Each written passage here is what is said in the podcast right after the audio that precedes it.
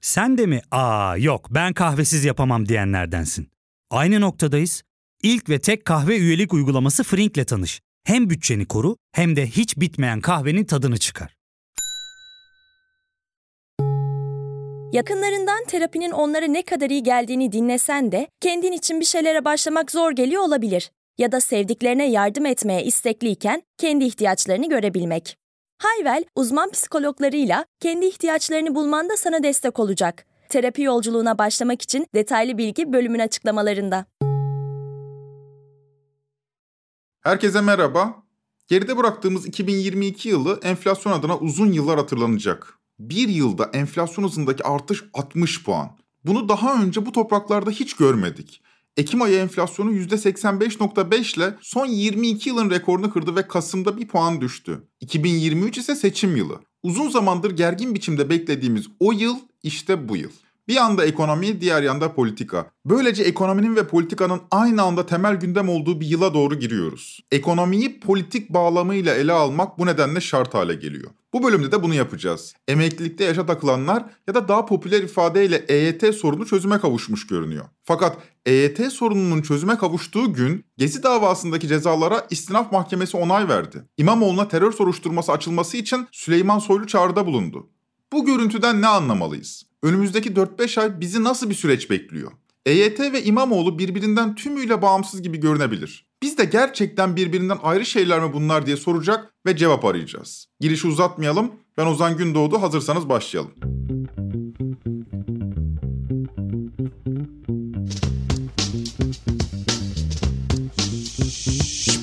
Uzun baskı dönemleri toplumların zihninde derin izler bırakıyor baskı dönemini geride bıraktıktan sonra da o toplum eski özelliklerinden bir kısmını kaybetmiş oluyor. Eğer toplum faşizme karşı mücadele etmemişse çürüyor, yozlaşıyor. Alman toplumu mesela. Utançla anıyorlar 1930'lu 40'lı yılları. Faşist baskı dönemlerinde toplumların kaybettiği özellikler genellikle eşitliğe, özgürlüğe ilişkin oluyor. Yani insani özelliklerini kaybediyorlar. Bu baskı ortamında yetişen genç jenerasyon ise hayata tutunurken daha bencil özellikler gösteriyor. Tarihimizde bunun en tipik örneğini 1980'li yıllarda yaşadık. 12 Eylül darbesinden sonraki 3 yılda yaşanan toplumsal değişimi sosyologlar yıllarca gözledi. Konu üzerine tezler yazıldı.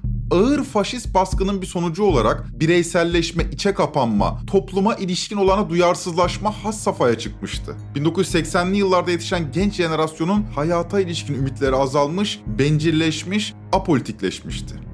Böyle anlarda o toplumu gözleyen sanatçıların bizlere katkısı çok büyük oluyor. Bu dönemlerde sanatçılar yıldızlaşıyor. Ferhan Şensoy da 1980'li yılların başında toplumdaki değişimi teşhir etmek için son derece çarpıcı bir deney imza atmıştı.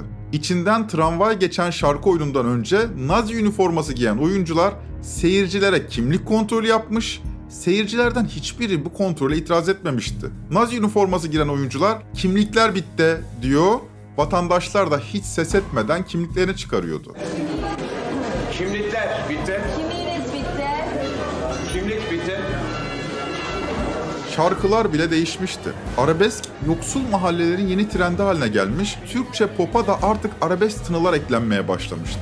Ardından gelen iktidarlar döneminde suça eğilim arttı. Bürokraside yolsuzluk büyük bir soruna dönüştü. O kadar ki Turgut Özal bile bu eğilimi arkasına almak adına benim memurum işini bilir diyecekti. 12 Eylül'ün baskı ortamı toplumsal normları değiştirmişti. Çünkü 12 Eylül'e susmak zorunda bırakılan toplumumuz 12 Eylül'ün günahlarına da ortak olduğunu biliyordu. Suç ortağıydı. Faşist baskıyla yıllarca yüzleşmediğimiz için bu suç ortaklığı toplumumuzda derin izler bıraktı. Sadece birkaç yıl içinde eskiden doğru dediğimiz şeye yanlış demeye başlamıştık. 1970'li yıllarda yaşayan bir genç Polat Alemdar gibi bir karakteri rol modeli olarak kabul edemez, Polat'ı en azından bu kadar benimseyemezdi. Acımasızlaşmış, bencilleşmiştik.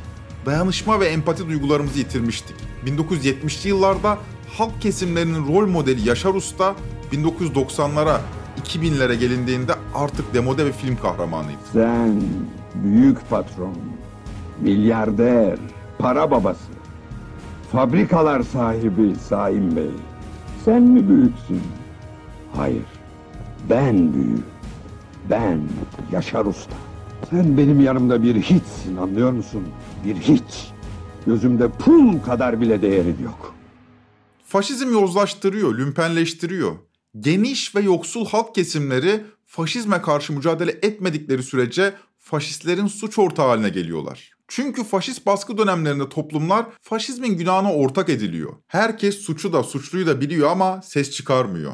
Cezaevlerindeki işkencelerden herkesin haberi var da konuşmak zor geliyor ve sessiz kalınıyor. Fakat mahcup bir sessizlik değil bu. Bir mahcubiyet içerisinde değiller. Tam tersi meşru bir suskunluk. Faşizm üzerine derinlikli analizleriyle bilinen Antonio Gramsci'nin ifadesiyle zor rıza üretiyor. Yani toplumlar üzerine uzun süreli uygulanan baskı bir süre sonra kendiliğinden rızaya dönüşüyor. Yani toplum değişiyor. Zora gerek kalmadan toplum daha önce onay vermediği bir şeye onay verir hale geliyor. Ayıp saymıyor artık. Baksanıza sokağa çıkıp bir basın aşaması yapabiliyor musunuz?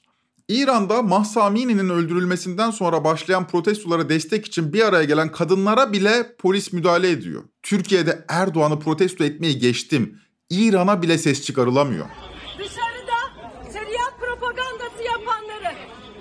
Nefret yürüyüşü düzenleyenleri, kırmızı halılarla karşılayan Ankara Emniyeti, kadınların özgürlüğü Emekçi kesimleri hiç söylemiyorum. Aralık ayında Bekaert işçileri anayasal haklarını kullanarak grev kararı aldılar ve grevleri Cumhurbaşkanı Erdoğan tarafından milli güvenlik gerekçe gösterilerek yasaklandı. Merak edenler için söyleyelim bu fabrika araba lastiğinin içindeki telleri üretiyor. Greve gittiklerinde milli güvenliğimiz akamete uğruyormuş yani. Erdoğan da zaten grevi bir tehdit olarak kavruyor. Grev tehdidi diyor. İşçi ve patron arasında hiç değilse tarafsız kalması gereken Cumhurbaşkanı açık açık patrondan yana konumlanıyor. Grev tehdidi diyor. olağanüstü hali biz iş dünyamız daha rahat çalışsın diye yapıyoruz. Soruyorum. İş dünyasında herhangi bir sıkıntınız, bir aksamanız var mı? Biz göreve geldiğimizde 15 sene önce Türkiye'de olağanüstü hal vardı. Ama bütün fabrikalar hep grev tehdidi altındaydı. Hatırlayın o günleri. Ama şimdi böyle bir şey var mı? Tam aksine. Şimdi grev tehdidi olan yere biz o halden istifadeyle anında müdahale ediyoruz. Diyoruz ki hayır. Burada greve müsaade etmiyoruz çünkü iş dünyamızı sarsamazsınız. E bunun için kullanıyoruz biz o halde. Tabii fotoğraf oldukça net. Bu konuşmayı 2017'de yapmıştı. Yolsuzluğu ele alalım mesela. Sizce duyarsızlaşmadık mı? Gözümüzün önünde milyonlarca dolar yolsuzluk yapıldıktan sonra çalıyor ama çalışıyor diyen bir topluma dönüştürülmedik mi? Yani sözün özü faşist baskı dönemleri toplumları da suça ortak ediyor. Dün 12 Eylül'ün suçlarına ortak edildik ve yozlaştık. Bugün de özellikle 2016'dan bu yana hukuksuzluğun suç ortağı haline getiriliyoruz. Söz konusu bu suç ortaklığı ise bizi biz yapan değerleri yok ediyor. Fanatikleşiyoruz. Bir ulus olmaktan çok ortak değerleri olmayan bir topluluğa, bir kitleye, yığınlara dönüşüyoruz. Güven. Güven çok önemli bir şey. Ama biz kime güveneceğiz? Şu andaki başımızdaki lidere güveneceğiz. Biz onu seçtik baba. Ee, Ülkenin yarısı da ona güvenmiyor. Ekonomiyi batırdı diyor. E, vatandaşın yarısı da onu Kardeşim sevmiyor. o güvenmeyenler Türk değil işte. Anladın mı? Ülkenin %50'si Türk değil mi yani şu an? Baba. Ne Türk'ü? Gelen ajanlar işte. Oradan getirenler. 3-5 tane çakal yani anladın mı? Türklük ya da Müslümanlık ya da bir milletin üyesi olmak diyelim hadi. Doğuştan elde ettiğiniz bir özellik değil, sizin kültürel bir formunuz değil. Hak etmeniz gereken bir ayrıcalığa dönüşüyor. Hak etmeniz gerekiyor. Çeşitli şartları yerine getirmeniz gerekiyor. Türk olabilmek, ayrıcalıklı bir milletin üyesi olabilmek için gereken kriterler arasında en önemlisi de lidere itaat. Erdoğan'a itaatin dışındaki seçeneklerde hainlik söz konusu, millete hainlik. Gören gözler için durum açık, görmeyen gözlere söyleyelim. Siyaset bilimciler 21. yüzyılın başında hortlayan bu eğilime neofaşizm adını veriyorlar. Buna karşılık değer yargıları da insani olmaktan çıkmaya başladı. Faşist baskı altında değerlerini kaybeden toplumsal yapı içten içe çürüyor ve bu çürüme yer yer irinini dışarı bırakıyor. Bu hafta çok konuşulan konulardan biri de Tuzla Belediye Meclis Üyesi Türel Ayol'un Kılıçdaroğlu ve Akşener'in bir araya gelmesine ilişkin paylaştığı sosyal medya mesajıydı. Gelin haberi Zafer Arapgili'den dinleyelim.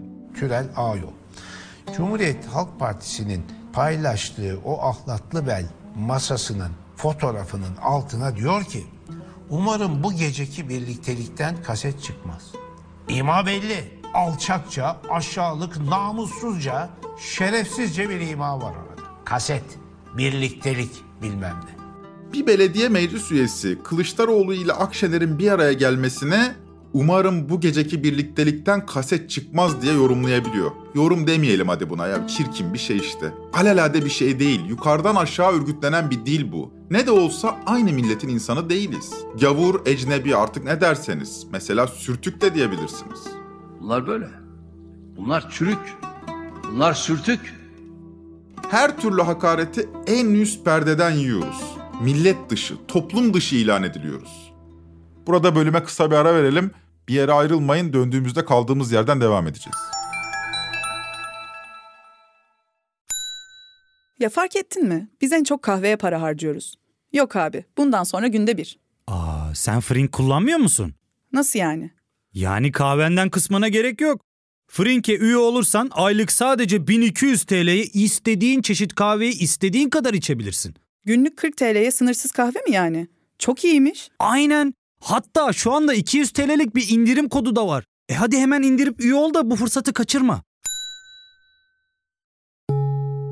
Terapiye başlamak, içinden çıkamadığın döngüleri kırmak, bazı yanlış bulduğun kararlarını değiştirmek ve kendinle beraber daha huzurlu bir yaşam inşa etmek için atabileceğin en değerli adımlardan biri. Hayvel ile yoğun yaşam tempona uyum sağlayarak online terapi seanslarını takvimine göre ayarlayabilirsin. Bini aşkın uzmandan sana en uygun terapisti seçebilir, PodB10 koduyla indirimden yararlanabilirsin. Detaylı bilgi açıklamalardaki bağlantıda. Malum gündemimiz hakaret. İmamoğlu davasıyla devam edelim o halde. Bu hafta İmamoğlu'nun aldığı cezanın gerekçeli kararı açıklandı. Biliyorsunuz YSK üyelerine ahmak dediği için siyasetten men ve hafif cezası almıştı İmamoğlu. Cumhurbaşkanı Başdanışmanı Mehmet Uçum 17 Aralık'ta Habertürk.com.tr'de bir yazı yazmış ve yazıda yerel mahkemenin kararı yürürlükteki hukuka uygunluğu açısından bakıldığında muhtemelen onaylanır demişti. Yani Yargıtay bu kararı onaylar diye doğrudan Cumhurbaşkanlığı makamından bir dil kullanılmıştı. Bunu diyen kişi Cumhurbaşkanlığı Hukuk Politikaları Kurulu Başkanı bakın. Yerel mahkemede gerekçeli kararını açıkladı ve gerekçeli kararda Yargıtay içtihadına atıf yapılıyor. E ne var bunda herhalde yapacak diyebilirsiniz. Şimdi dikkat edin. Gerekçeli kararı okuyunca anlıyoruz ki şu zamana dek ahmak sözünü hakaret olarak kabul eden tek bir yargıta içtihadı yokmuş. Yani ahmak dedi diye ceza alan ilk kişi Ekrem İmamoğlu olmuş. Peki nasıl ceza almış? Gazeteci İsmail Saymaz bu tuhaflığı Halk TV'de yorumlamış. Direkt diyor ahmak kelimesiyle ilgili literatürde yargıtay kararı yok. Bu şu anlama gelmiyor. Ahmakla ilgili dava açılmadığı anlamına gelmiyor. Evet. Muhakkak dava açılmıştır.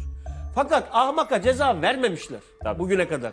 Direkt ahmak kelimesiyle ilgili literatürde yargıtay kararı bulunmasa da hı hı.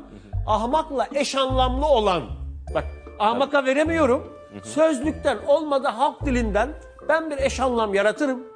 Ki orada sayıyor. Eş anlamlı olan aptal, budala, geri zekalı sözcüklerin kullanılması durumunda da hakaret suçunun oluşacağına dair birçok yararı, yargıta kararı bulunmaktadır. Bak yani mahkeme diyor ki ahmak diyor geri zekalı anlamına gelmektedir. Bu zamana kadar ahmaktan hiç ceza çıkmamış olabilir ama geri zekalıdan çıktı. İmamoğlu da burada ahmak derken aslında geri zekalı demek istemektedir. Böylece İmamoğlu'na siyasi yasak kararı veriyorlar. Yorumu size bırakıyorum ben hiçbir şey söylemeyeceğim. Bu arada İmamoğlu'nu görevden alma ve siyaset dışı bırakma sadece mahkeme eliyle yürümüyor. İçişleri Bakanı Süleyman Soylu da İmamoğlu'nun terörle iltisaklı olduğuna ilişkin bir raporu savcılığa sundu. Eğer mahkeme raporu kabul edip soruşturma başlatırsa Süleyman Soylu'nun eline İmamoğlu'nu görevden alma ve yerine kayyum atama yetkisi geçecek. Geçen bölümde bahsettiğimiz için bu bölümde detaylarına girmiyorum. O halde kritik bir soru soralım. İktidar tabanı tüm bu hukuksuzlukları görmüyor mu ya? Olağanüstü bir medya propagandasına maruz kalıyor ve aldatılıyorlar mı? Bu apaçık hukuksuzluk iktidar seçmeninin gözünden mi kaçıyor? Hepsine kocaman bir hayır cevabı vermek durumundayım. Her şeyin farkındalar. Aldatılıyor falan değiller. Mutlaka durumun farkında olmayan saf bir kitle olabilir ama iktidarın kararlı tabanının çoğu için bunu söylemek bence zor. Muhalif kamuoyundan çok duyduğum bir ifade cahil kesim. Hiç sevmiyorum bu ifadeyi, katılmıyorum da. Evet çok ağır bir propagandaya maruz kalıyor olabilir bu kitleler ama büyük çoğunluğu durumun farkında. İktidarın yaptıklarının hukuk dışı olduğunu, kamu vicdanına sığmadığını farkındalar. Zaten sorun da burada başlıyor. Benim toplumsal yozlaşma derken kastım da budur. Bu yozlaşma iktidarın kararlı tabanı ile iktidar arasında bir ortaklığa neden oluyor. Bir tür suç ortaklığı. Faşizmle kitle tabanı arasında kurulan bir ortaklık bu. Kendi aralarında zımnen imzalanan bir suç ortaklığı. İktidarın çıkarı belli. Onlar koltuklarını koruyacaklar. Peki ya kitle tabanının çıkarı ne? Yani bu sözleşmenin karşılıklı faydası ne? Onlar da bu sayede bir milletin ferdi olmanın ayrıcalıklarının tadına bakıyorlar. Bizler gibi sürtük çürük olmama ayrıcalığı bu. Bu ayrıcalık sayesinde devlet katında imtiyaz talep edebiliyorlar. İktidar partisinin her mahalledeki temsilcisi o mahallenin bürokraside yaşadığı sorunları çözüme kavuşturuyor. Hangi birinizin böyle ayrıcalıkları var? Hangi biriniz kamu ile ilgili bir sorununuzu iktidar partisine başvurarak çözüyorsunuz? Elbette sadece bu değil. Aynı zamanda bu suç ortaklığının maddi bir bedeli de olmalı. İşte burada seçim şekerleri devreye giriyor. EYT düzenlemesi seçime 6 ay kala tamamlandı. Erdoğan açıkladı. Yaş şartı olmadan tüm EYT'liler emekli edilecek. Böylece 2,5 milyon kişi bugün itibariyle emekli olma hakkı kazanacak. Emeklilik hakkının kullanılması hususunda herhangi bir yaş sınırı uygulanmayacaktır. Sözleşmeye uyulmadığında iktidar tabanı iktidarı terk ediyor. 20 yıllık iktidar deneyimi gören gözlere bir şey öğretti. Refah arttırıcı önlemleri demokrasi azaltıcı saldırılar takip eder. EYT, 3600 ek gösterge, asgari ücret zammı vesaire hepsi faşizme rıza üretmek için tabana dağıtılan sus payıdır. Bu sus payı biraz önce bahsettiğim suç ortaklığının koşullarından biridir. Allah devletimize zeval vermesin denir geçilir. Hukuksuzlukların hepsine bir sünger çekilir. Bunca yıl beklemişiz. Bugün de böyle bekleriz. Hiç sıkıntı yok. Allah devletimize zeval vermesin. Diyorsun. Diyelim doğru mu? Genç yaşta Allah bize bu günleri nasip etti emekliliği. Beş yıl bekleyecektim. Şu an hiç beklemeyeceğim. Günüm dolmuş.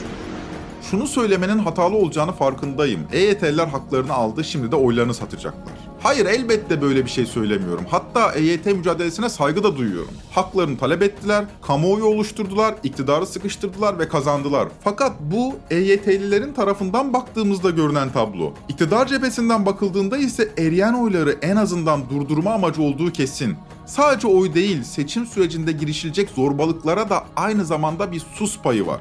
Ruşen Çakır da konuyu kendi YouTube hesabında yorumlamış. Buradan hareketle şunu sorabiliriz pekala. Ee, bunu yaptı diye 2 milyon 250 bin kişi ve onların yakınları Erdoğan'a oy mu verecek?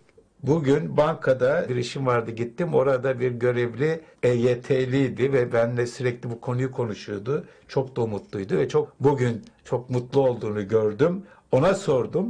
Dedi ki böyle bir şey yok. Biz hakkımızı aldık ve mücadele ettik. Sivil toplum lafını da kullandı. Bir sivil toplum hareketi gerçekleştirdik ve hakkımızı aldık. Bu bizim AKP oy vereceğimiz, Erdoğan'a oy vereceğimiz anlamına gelmez dedi. Olabilir. Kimileri de verebilir. Ama burada mesele şu. Erdoğan oy kaybediyor. Seçimin riskli olduğunu görüyor. Dolayısıyla oy kaybını durdurmak için ve kaybettiği oyların bazılarını geri alabilmek için elinden gelen her şeyi yapmaya çalışıyor.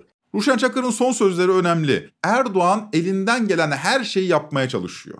Bir gün gazetesi de 30 Aralık günkü sayısında bütün tuşlara aynı anda bastı manşetini atmış. Manşet altı yazısında seçim avuçlarından bahsetmiş ama bir de Suriye meselesine değinmiş. Haberiniz var mı bilmiyorum ama 28 Aralık'ta Milli Savunma Bakanı Hulusi Akar ve MİT Müsteşarı Hakan Fidan Rusya'ya giderek orada Rus ve Suriyeli mevkidaşlarıyla buluştu. İki ülke arasında normalleşme süreci başladı. Böylece 11 yıl aradan sonra iki ülke arasında bu düzeyde ilk temas sağlandı. Demokrat Parti Genel Başkan Yardımcısı İlay Aksoy yaklaşık 3 yıl önce 27 Şubat 2020'de Twitter hesabından rejim güçleri değil Suriye ordusu demeliyiz. Suriye ile çözümün adresi diplomasiden geçiyor deyince AKP'li vatandaşlar İlay Hanım'a reaksiyon göstermişler. Onu PKK sempatizanı olmakla suçlamışlar. Vatan haini diyen de olmuş. Fakat şimdi görüyoruz ki iktidar da muhalefetin çizgisine gelmiş. Peki tabanda tek bir reaksiyon var mı? Düne kadar Esad'a savaş ilan edilse ve TSK topyekün bir harekata sokulsa, binlerce askerimiz bu nedenle ölse buna alkış tutacak olan kitleler bugün diplomatik temasa da alkış tutabiliyor. Bu toplumsal yozlaşma hali bana kalırsa birkaç on yıl boyunca hatırlanacak. Bir amok koşusu gibi, bir cinnet hali. Önünde duranı ezip geçiyor. Bir savaş hali gibi. Hangi düğmeye bassan artık durdurulamıyor. Bölüme Ferhan Şensoy ile başlamıştık onunla bitirelim. One, two, three, four savaş yüksek oktanlı gayet boktan bir şeydir. Bir düğmeye basarsın birden başlar katliam. Hangi düğmeye bassan artık durmaz katliam. Hangi akoru bassan artık bana fark etmez. Yaylalar yaylalar yaylalar yaylalar. Yaylalar yaylalar böyle gidiyoruz işte. Bu delilik halini en yakın zamanda geride bırakmamız dileğiyle bitirelim. Trend Topi'yi Podbi Medya ile beraber hazırlıyoruz. Bir sonraki bölüme kadar akıl sağlığınıza mukayyet olun. Hoşçakalın.